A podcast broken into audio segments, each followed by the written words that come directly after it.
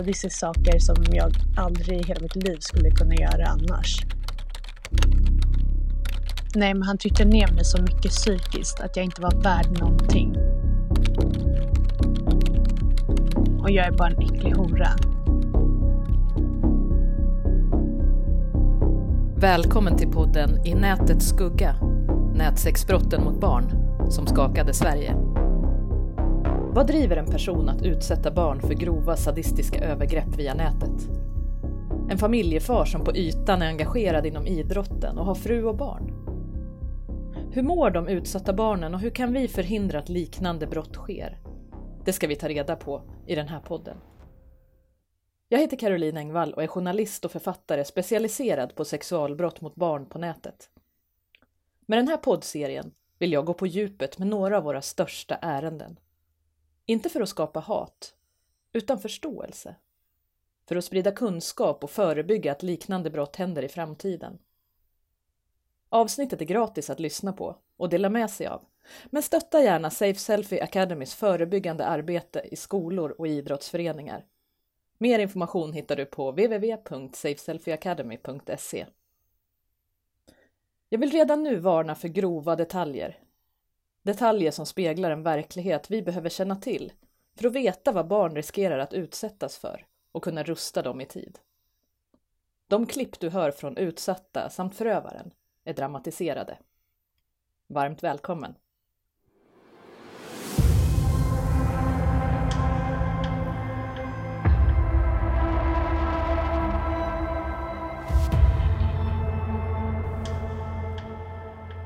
Vi startar i Dalsland, på en liten ort som skulle kunna finnas precis var som helst i landet. På den här orten bor Anders med sambo och barn. Han är kommuntjänsteman i 40-årsåldern och vid sidan av jobbet har han bland annat varit aktiv i sina barns idrottsklubb. Ingen anar att den här mannen snart ska bli huvudmisstänkt i en av de värsta nätsexhärvorna mot barn i Sverige i modern tid. Utåt sett lever han ett normalt liv. Men på dagarna ägnar han en stor del av sin vakna tid till att söka på grov pornografi med titlar som Fisted Slut och Daddy's Little Whore. Däremellan söker han också på projektarbete i personalekonomi och olika HVB-hem. Åklagare Eva Jonsson är en av dem som har haft mest insyn i det här ärendet. Han är ju en person som utåt sett eh, ser ut som jag skulle, ja, det som man brukar kalla hipster från Södermalm, om man säger så. En normal trebarnsfar, eh, lever under ordnade förhållanden, akademiker, välutbildad, ordnad eh, jobb. Det finns ingenting utåt som tyder på att, eh, att han sysslar med det här på kvällar och helger eller ja, hela dagar emellanåt. Eh, så att eh, det är ju, och det framgår ju också förundersökningen i de förhör vi haft med familj och med arbetsgivare att det är ju ingen som har anat någonting. Vilket man kan tycka är konstigt för hans telefoner måste ha plingat oavbrutet när man ser hur intensiva Snapchat-kontakter han har haft med en del av de här flickorna. Men, eh, men utåt sett finns det ingenting och det är viktigt att framhålla att de här förövarna Eh, man kan ju tro att det är någon eh, stackars dreglande sate som sitter bakom ett skrivbord någonstans men det är inte så. De här förövarna ser helt olika ut och de eh, finns förövare i vårt material så de förövare vi har hittat och kunnat identifiera är helt normala män som utåt sett lever under hyfsat normala förhållanden och så. Det, det är kanske inte den här gängse bilden man har av hur en sån här person ska se ut. Det finns inga psykiska störningar eller någonting sånt i form av några ja, att han ska svagbegåvningar eller någonting sånt utan tvärtom. Samtidigt kontaktar han också vad polisen och åklagaren Eva Jonsson tror är hundratals minderåriga flickor i hela landet via appar som Kik, Periscope, Snapchat och TikTok. I oktober 2019 är han mycket aktiv. Han kallar sig för David Seger och i förhör berättar en av de utsatta tjejerna. Han är ett jävla svin. Alltså jag hatar honom. Han Har varit livrädd i ett och ett halvt år. Det började med att han skrev till mig och sa att han hade bilder på mig och sånt. Eh, och så skulle jag skicka liksom saker till honom för annars så spred han skiten. Ja, han har på mig. Eh, och så gjorde jag det för jag var rädd. För jag ville liksom inte att det skulle komma ut. Så jag var tvungen att göra saker sadistiskt enligt mig. Sadistiskt saker som jag aldrig i hela mitt liv skulle kunna göra annars. Jag var livrädd. Sen fick han det här att jag skulle ha sex med olika killar som jag inte ville egentligen. Men jag gjorde det för att jag var rädd och jag mått skit över detta. Den 40-årige mannen är mycket brutal, intensiv i sina kontakter med de unga tjejerna. Och en chatt kan låta ungefär så här. Jag vill ju att du ska dricka ditt eget piss när jag säger åt dig. Du tjafsar som fan om det. Eller hur hora? Den han skriver till här är en 11-årig tjej. Och så här berättar hon i förhör om hur hon upplevde den tiden.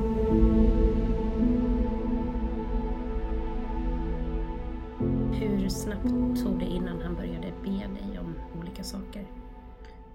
Jo, men det var väl typ ganska direkt tror jag. Mm. Och hur kändes det för dig? Det kändes dåligt. Mm. Beskriv vad som är dåligt för dig. Ja, ja, men jag mådde ju typ illa och ja, det började bli mer problem i skolan än vad det redan var. Eh, Jag mådde ju bara fysiskt och psykiskt dåligt. Försök att beskriva lite mer i detalj när du säger att du mådde fysiskt dåligt. Ja, men man får ju typ ont i brösten och när jag började skära mig och sånt. Så, N- när du säger skära dig och sånt, vad, vad menar du då? ja men typ skära och slå mig själv och så. Mm. Och så sa du att du mådde psykiskt dåligt också. Mm, ja, man får ju ont inuti och jag självmordstankar och sånt. Under hur lång tid mådde du så här? Ja, ganska länge, eller jag gör fortfarande det så det är ju väldigt länge. Och hur var det i skolan då? Ja, dåligt. Eh, Jag blev ju väldigt mycket i bråk och jag fick ju liksom gå hem från allt bara för att... Eller för mycket bråk och sen har jag inte gått till skolan mer. Och anledningen till att det blev bråk i skolan var... Det var väl mest för att jag mådde dåligt på grund av det här. Den anonyme mannen hotar flickorna. Att om de berättar för polisen så ska han bara ta bort sina konton på sociala medier. Han skriver Dina bilder kommer att finnas kvar, men det kommer inte att finnas något för polisen att leta efter. När en av tjejerna inte orkar längre berättar hon för en kompis som i sin tur övertalar henne att hon inte kan bära på hemligheten ensam. Och nu får polisen in anmälan. Direkt därefter åker polisen till flickan och säkrar Snapchat-konversationerna innan de försvinner från appen, som ju bygger på att bilder och meddelanden tas bort efter en kort tid. David Segers konto går att spåra via hans IP-adress. Den som var med från början och som skulle komma att få stor betydelse för utredningen är Ulf. Polisen är också med vid tillslaget i april 2020. Man, man har ju då samlat på sig bevisning och eh, jobbat med under en tid. Och eh, det är då man får ett kvitto lite på vad, vad är det vi... Eh, vad, vad kommer vi att finna här? Och vi hittar ju då ganska snart bevisning för att vi, vi var rätt ute i våra misstankar. Eh, och eh, forensikerna gjorde ju ett väldigt snabbt uh, och, och, och jag ska säga resolut, de fick ju fram uppgifter eh, ganska omgående där. Ehm, och ehm, sen hade vi ju då förhör som, som var kopplat till de här fynden vi gjorde. Och så har det ju fortsatt. Eh, sen tog det vid ett, ett, ett digert arbete med att försöka få identitet på, på en hel del eh, utav det här materialet vi, vi hittade. Um, och det är, ju, det är ju ett svårt jobb många gånger. Man har inte mycket att gå på. Och uh, det var ju flera målsägande här som vi kämpade länge med att få fram identiteten på. Och det, det är en frustrerande del kan man säga. Man ser bildmaterial men man kan inte uh, få fram vem det är. Utredaren Ulf är också den som håller i många av förhören med de utsatta barnen.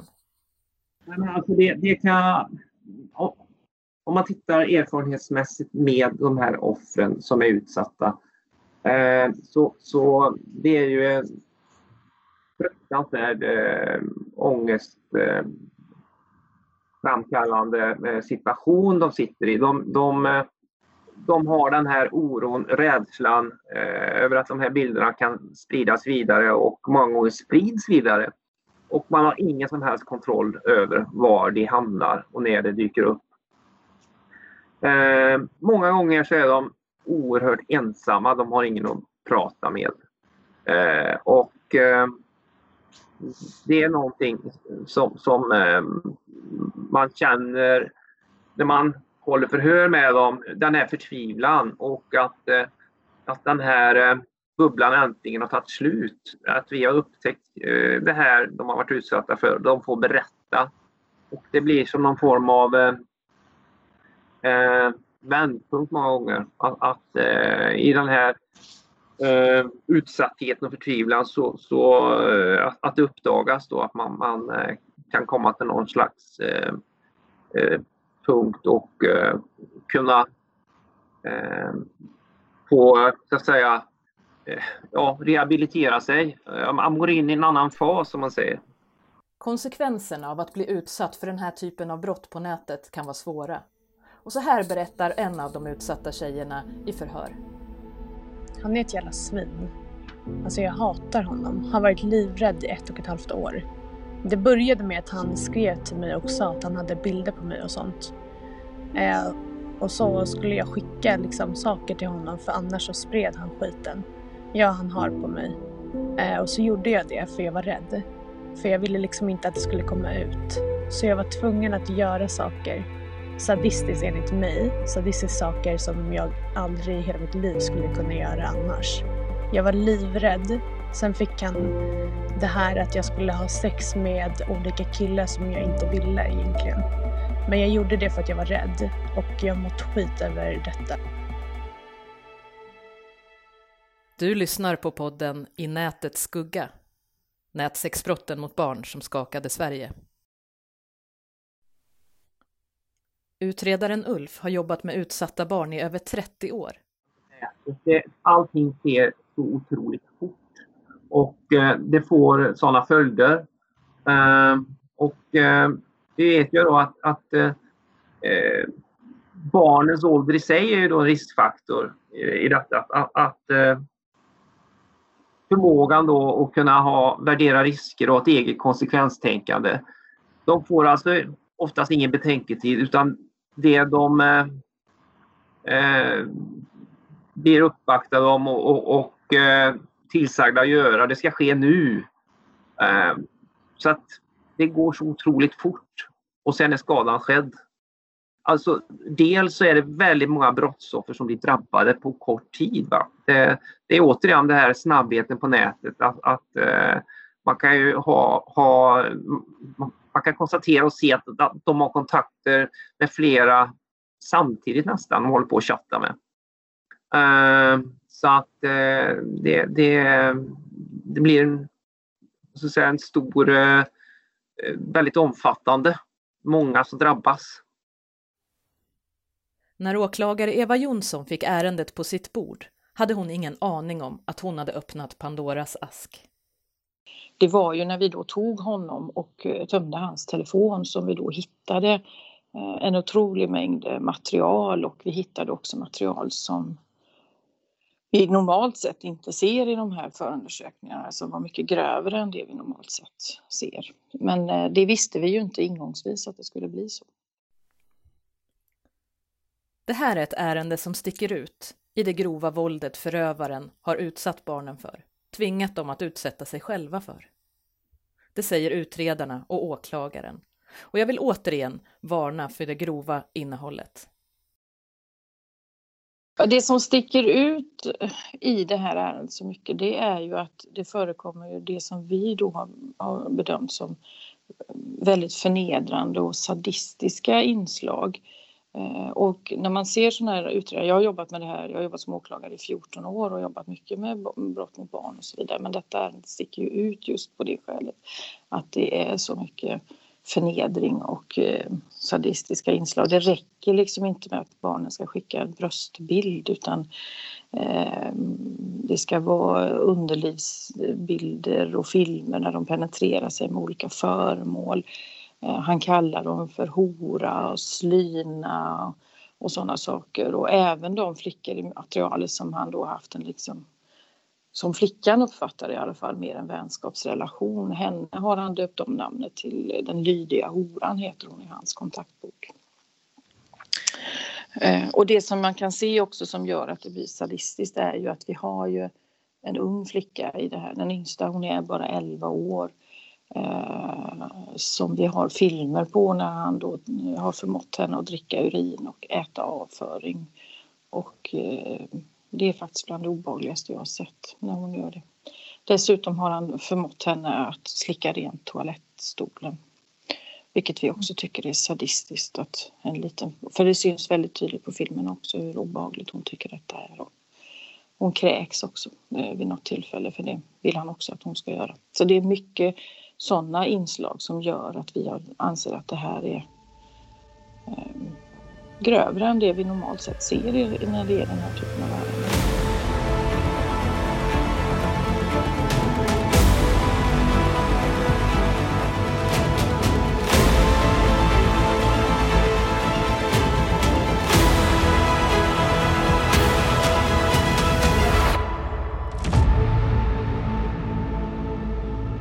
Du lyssnar på podden I nätets skugga en podd som öppnar locket till några av våra mest kända och ökända ärenden som rör sexualbrott mot barn på nätet. Åklagare Eva Jonsson berättar också om den grova pornografi som man hittade i mannens dator. Ni hittade också sökningar på grov eh, pornografi på nätet. Mm. Vad tänker du personligen om kopplingarna till det han fick dem att göra med tanke på hans sökningar? Ja, det syns ju att han har sökt på det. Han har ju ett tydligt intresse av eh, dels, och jag ställde har ju ställt frågor om det också och det i, under, för, under för, rättegången och, och eh, det framgår ju av förundersökningen att han har ju konsumerat stora mängder pornografi och eh, det har blivit, all, det har blivit det är väldigt grov pornografi som han är intresserad av och där kan man också se att han har gjort sökningar på till exempel det här med att dricka urin och sådana saker så att eh, man, man, kan ju inte man slås ju av tanken att pornografin på något sätt eh, inspirerar honom att, eh, till det han gör mot de här tjejerna. Då. Den 40-årige mannen är mycket intensiv i sina kontakter. Han googlar flickorna, letar deras adresser och han vet var de har varit, säger han. De känner sig övervakade. Åklagare Eva Jonsson.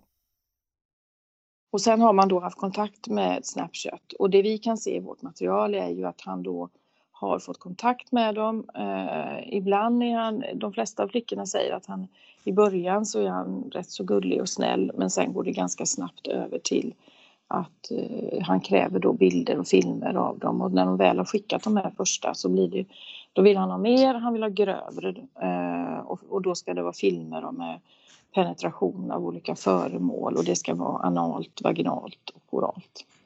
Eh, så att, eh, men inledningen är ofta, eh, sen går det också lite olika fort hur han får bilderna. Och det säger han ju själv också att han har ju då tjatat en del för att få de här flickorna att skicka det han vill ha. Medan han menar då att en del av flickorna har inte skickat till honom medan de säger att de har gjort det då. Det här handlar ju om då eh, flickor eller pojkar för den delen som, det kan vara som sagt olika ingångar, man kan vara sexuellt nyfiken, man kan vara eh, man blir smickrad i början, man kanske för, känner sig hotad så att man skickar den där första bilden. Vi har någon flicka som han hade fått en ansiktsbild där han hotade att han skulle lägga ut den med epitetet hora över så skulle det spridas. Eh, och när man väl har skickat de här första bilderna då är man ju i förövarens våld. Då, då, då blir det mycket så att man eh, fortsätter att skicka därför att och det kan vi också se i en del konversationer. Ja, men om jag skickar det här nu, raderar du det du har sen? Eh, ja, säger han då. Och sen så när han får bilder och, och filmer så skriver de, ja men raderar du nu? Nej, jag raderar inte bara de första bilderna för det här vill jag ha kvar. Och du ska göra som jag säger för annars så kommer jag att sprida de här filmerna och bilderna på dig. Och så, men du lovar ju att du skulle radera. Nej, det gör man inte då. Så att de, de blir ju fast i det här greppet. Men vi har ju också exempel på flickor då, till exempel 11-åringen som till slut är, är driven så långt så att hon börjar planera sitt eget självmord. Men hon, hon blockerar ju honom till slut. Eh, och det är det som kanske räddar henne i slutändan. Då. Men den 40-årige mannen har inte agerat ensam. Han hade kontakt med minst två andra män som han får att våldta unga tjejer och filma övergreppen till honom. Han hittar männen i exposed-grupper på nätet där män delar med sig av bilder och kontakter till unga. Det handlar om sex. Det handlar också om särskilt utsatta tjejer i det här fallet. Ulla Torslund är legitimerad psykolog med över 20 års erfarenhet av arbete med individer som utsätter andra för sexuellt våld. För vad driver egentligen en man att tvinga andra att gå över gränsen? Det jag tänker om det är att alltså den här personen måste ha hållit på ett tag. Det här handlar ju väldigt mycket om att flytta gränser. Eh, man kanske börjar med att titta på vanlig porr i, i, yngre år. För det här är ju en person som, det är ingenting som man börjar med i medelåldern helt plötsligt. Jag tänker att det här är någonting som har utvecklats över tid, att han har odlat det här sexuellt avvikande intresset. Eller så, en del menar ju också på att en del av det här kan ju vara medfött, alltså när de pratar om olika parafili eller sexuella läggningar. Pedofili till exempel finns det ju en del som eh, pratar om en liksom biologiskt ursprung, att man eh, Många vuxna pedofiler säger att de har ju upplevt det som att det är medfött, eh, medan det finns också även andra förklaringsmodeller. Men här handlar det kanske mer, pedofili handlar ju om sexuellt intresse för barn, medan det här handlar kanske mer om en alltså hebefili som man pratar om, alltså tonår, yngre tonåringar.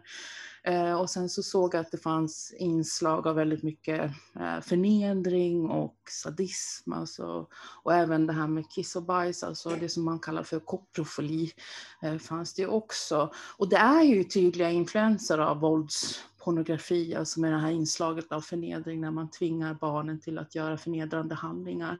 Eh, I USA pratar man om sexual offenders och sen predators, alltså man gör en skillnad på de som faktiskt systematiskt söker sig efter lätta offer, blivit som, en, eh, som ett rovdjur på savannen som väntar på och tittar efter en flock med djur där man letar efter de yngsta och kanske någon som är skadad för att liksom angripa dem. Och barn är ju förstås lätta offer och jag förstod i det här fallet också att det var också barn med extra stora svårigheter och sårbarhet sårbarheter, yngre och som kanske hade en egen utsatthet i botten. I övergreppen som sker via nätet spelar den moderna tekniken en stor roll. Förövarna hittar en gemenskap och de kan utsätta många barn.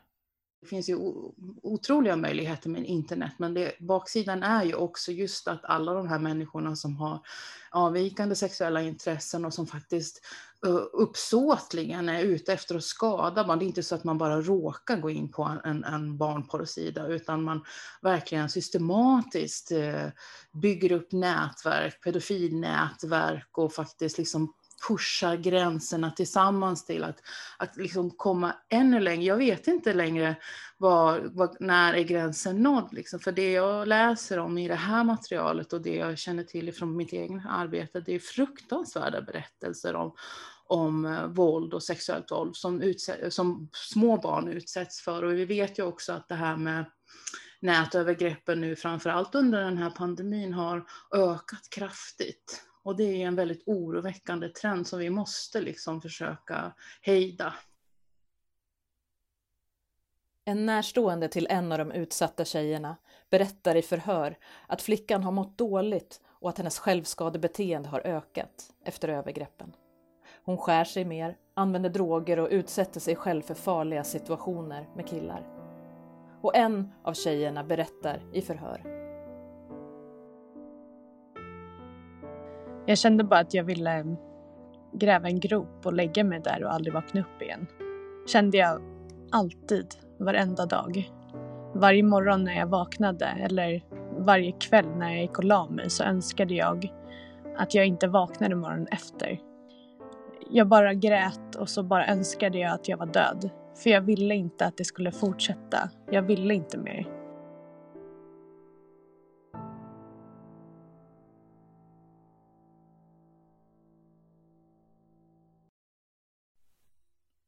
Också åklagare Eva Jonsson berättar om hur dåligt de utsatta tjejerna har mått.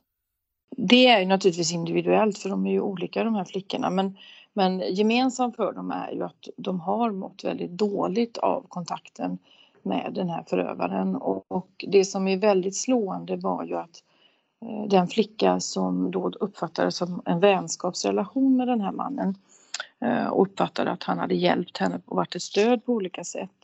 Eh, när vi hörde hennes pappa så vittnade ju även hon, han då om att när den här kontakten bryts så mår hon mycket bättre. Eh, och genomgående så är det ju flickor, eh, nästan alla de här flickorna har ju Alltså det är ju flickor som antingen har någon funktionsnedsättning inom LSS, autism, ADHD. Det är flickor på HVB-hem, det är flickor som har en svag social struktur runt sig som gör att eh, de är lättare att eh, fånga upp helt enkelt för förövarna. Eh, de har ju en problematik som gör att de kanske fastnar i det här lättare. Enligt studier från Barnafrid vid Linköpings universitet finns det många anledningar till varför utsatta barn inte berättar. Det kan handla om skammen i att man skäms för att man blev lurad och att man har tagit bilderna själv. Skulden man lägger på sig själv är att man har agerat i de egna övergreppen. Inte har sagt nej eller inte har gått därifrån. Rädslan för hoten och oron för var bilderna ska hamna, om någon har sett dem eller vem som kommer att se dem. Men också rädslan för förövarnas hot. Men framförallt oändligheten i att bilderna och filmerna som finns kan komma att finnas kvar för resten av barnens liv. Åklagare Eva Jonsson säger också att de utsatta barnen i det här ärendet har varit rädda för att vuxenvärlden ska reagera negativt. Barn berättar inte om detta därför att de är rädda, de skäms, de känner skam och skuld för det de har gjort och utsatt sig själva för. Eh, för de gör ju det på sig själva. De är rädda för hur vuxenvärlden ska reagera, man är rädd för repressalier. Eh, att föräldrar ska skuldbelägga genom att säga att ja men jag har ju sagt till dig att du inte ska vara ute på nätet, du ska inte adda vem som helst och så vidare. Jag är förälder själv så jag ska inte friskriva mig från att jag inte skulle kunna ha sagt något sånt. Eh, så att det, det gör ju att barn berättar ju inte om detta heller. Eh, sen ska man också komma ihåg att en faktor är att när de, barnen väl har hamnat i förövarens klor så har han tillgång till de här barnen 24-7, det vill säga 24 timmar om dygnet, sju dagar i veckan. För 15 år sedan när man, eh, så var förövaren tvungen att få in barnet framför en webbkamera i hemmet Eh, då hade man kanske en dator i hela hushållet med en webbkamera där barnet skulle stänga in sig. Och eh, då var det mycket svårare eh, för de här förövarna. Nu har varje barn en egen smartphone vilket gör att de här förövarna har direktkontakt med de här barnen när de vill och hur mycket de vill. Och det ser vi också i det här materialet att det är kvällar, det är helger, det är mitt på dagen, det kan pågå halva natten, sen blir det lugnt några timmar och sen börjar det om på morgonen eh, när de ska, eh, egentligen borde vara i skolan. Eh, det förekommer exempel på att man, trots att de är hemma hos en kompis, så var det ju ingångsvärdet, så kräver han att de ska fortsätta där. Eh, så att de är aldrig fria från den här förövaren. Den här förövaren är med dem hela tiden. De kan aldrig, aldrig slappna av.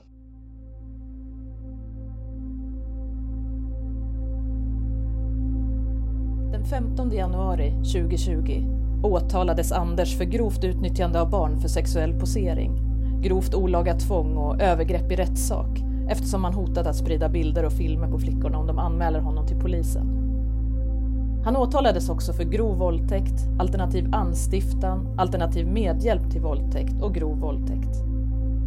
Han erkände grovt olaga tvång och utnyttjande av barn för sexuell posering.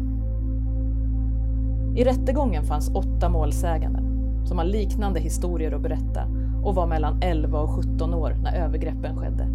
Men mörkertalet är stort.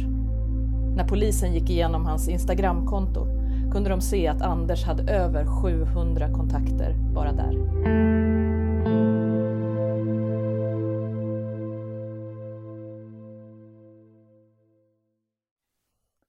Hade det gått att stoppa en person som Anders?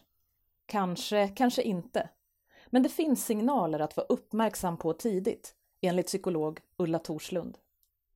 Om barn som växer upp då när man har dem på, så tidigt som på förskola eller eh, även i grundskolan visar ett avvikande socialt samspel med omgivningen eller uppvisar en liksom, avvikande sexuell utveckling. Och det kan ju handla om att man till exempel väldigt tidigt härmar vuxen sexualitet för barn vet ju ingenting om eh, sex och hur samlag går till när man är liten, utan det är ju någonting som, som man lär sig. Men har man små barn som eh, pratar om att slicka och suga eller ah, liksom härmar penetration och liknande, då måste, man, då måste man fundera och fråga barnet var man har lärt sig det någonstans ifrån. Eh, men även andra icke-sexuella handlingar, så att man har svårt att relatera till andra, man kanske har svårt att mentalisera och ta andras perspektiv. Man utgår liksom ifrån sina egna behov och går över andras gränser. Tänker social isolering är en sån där faktor som jag tittar på när jag gör riskbedömningar. Om man har svårt med relationer, kamratrelationer, kompisrelationer, relationer i familjen, man kanske också ger uttryck för attityder som stödjer sexuellt våld och använder ett väldigt sexualiserat språk, uppvisar sexualiserade beteenden, kanske sexuellt kränker andra. Och då är det viktigt att vuxna inte blundar eller förminskar liksom, när övergreppsbeteenden eh, förekommer bland barn och säger att ja men du vet, det är så ungdomar håller på idag. Eller om det handlar om barn så kan man ofta förminska det och kalla det för sexuella lekar fast det faktiskt handlar om övergrepp. Så att det är viktigt, både i verkliga livet men framförallt på nätet, att inte säga att, att det, är liksom, det är så ungdomar är helt enkelt.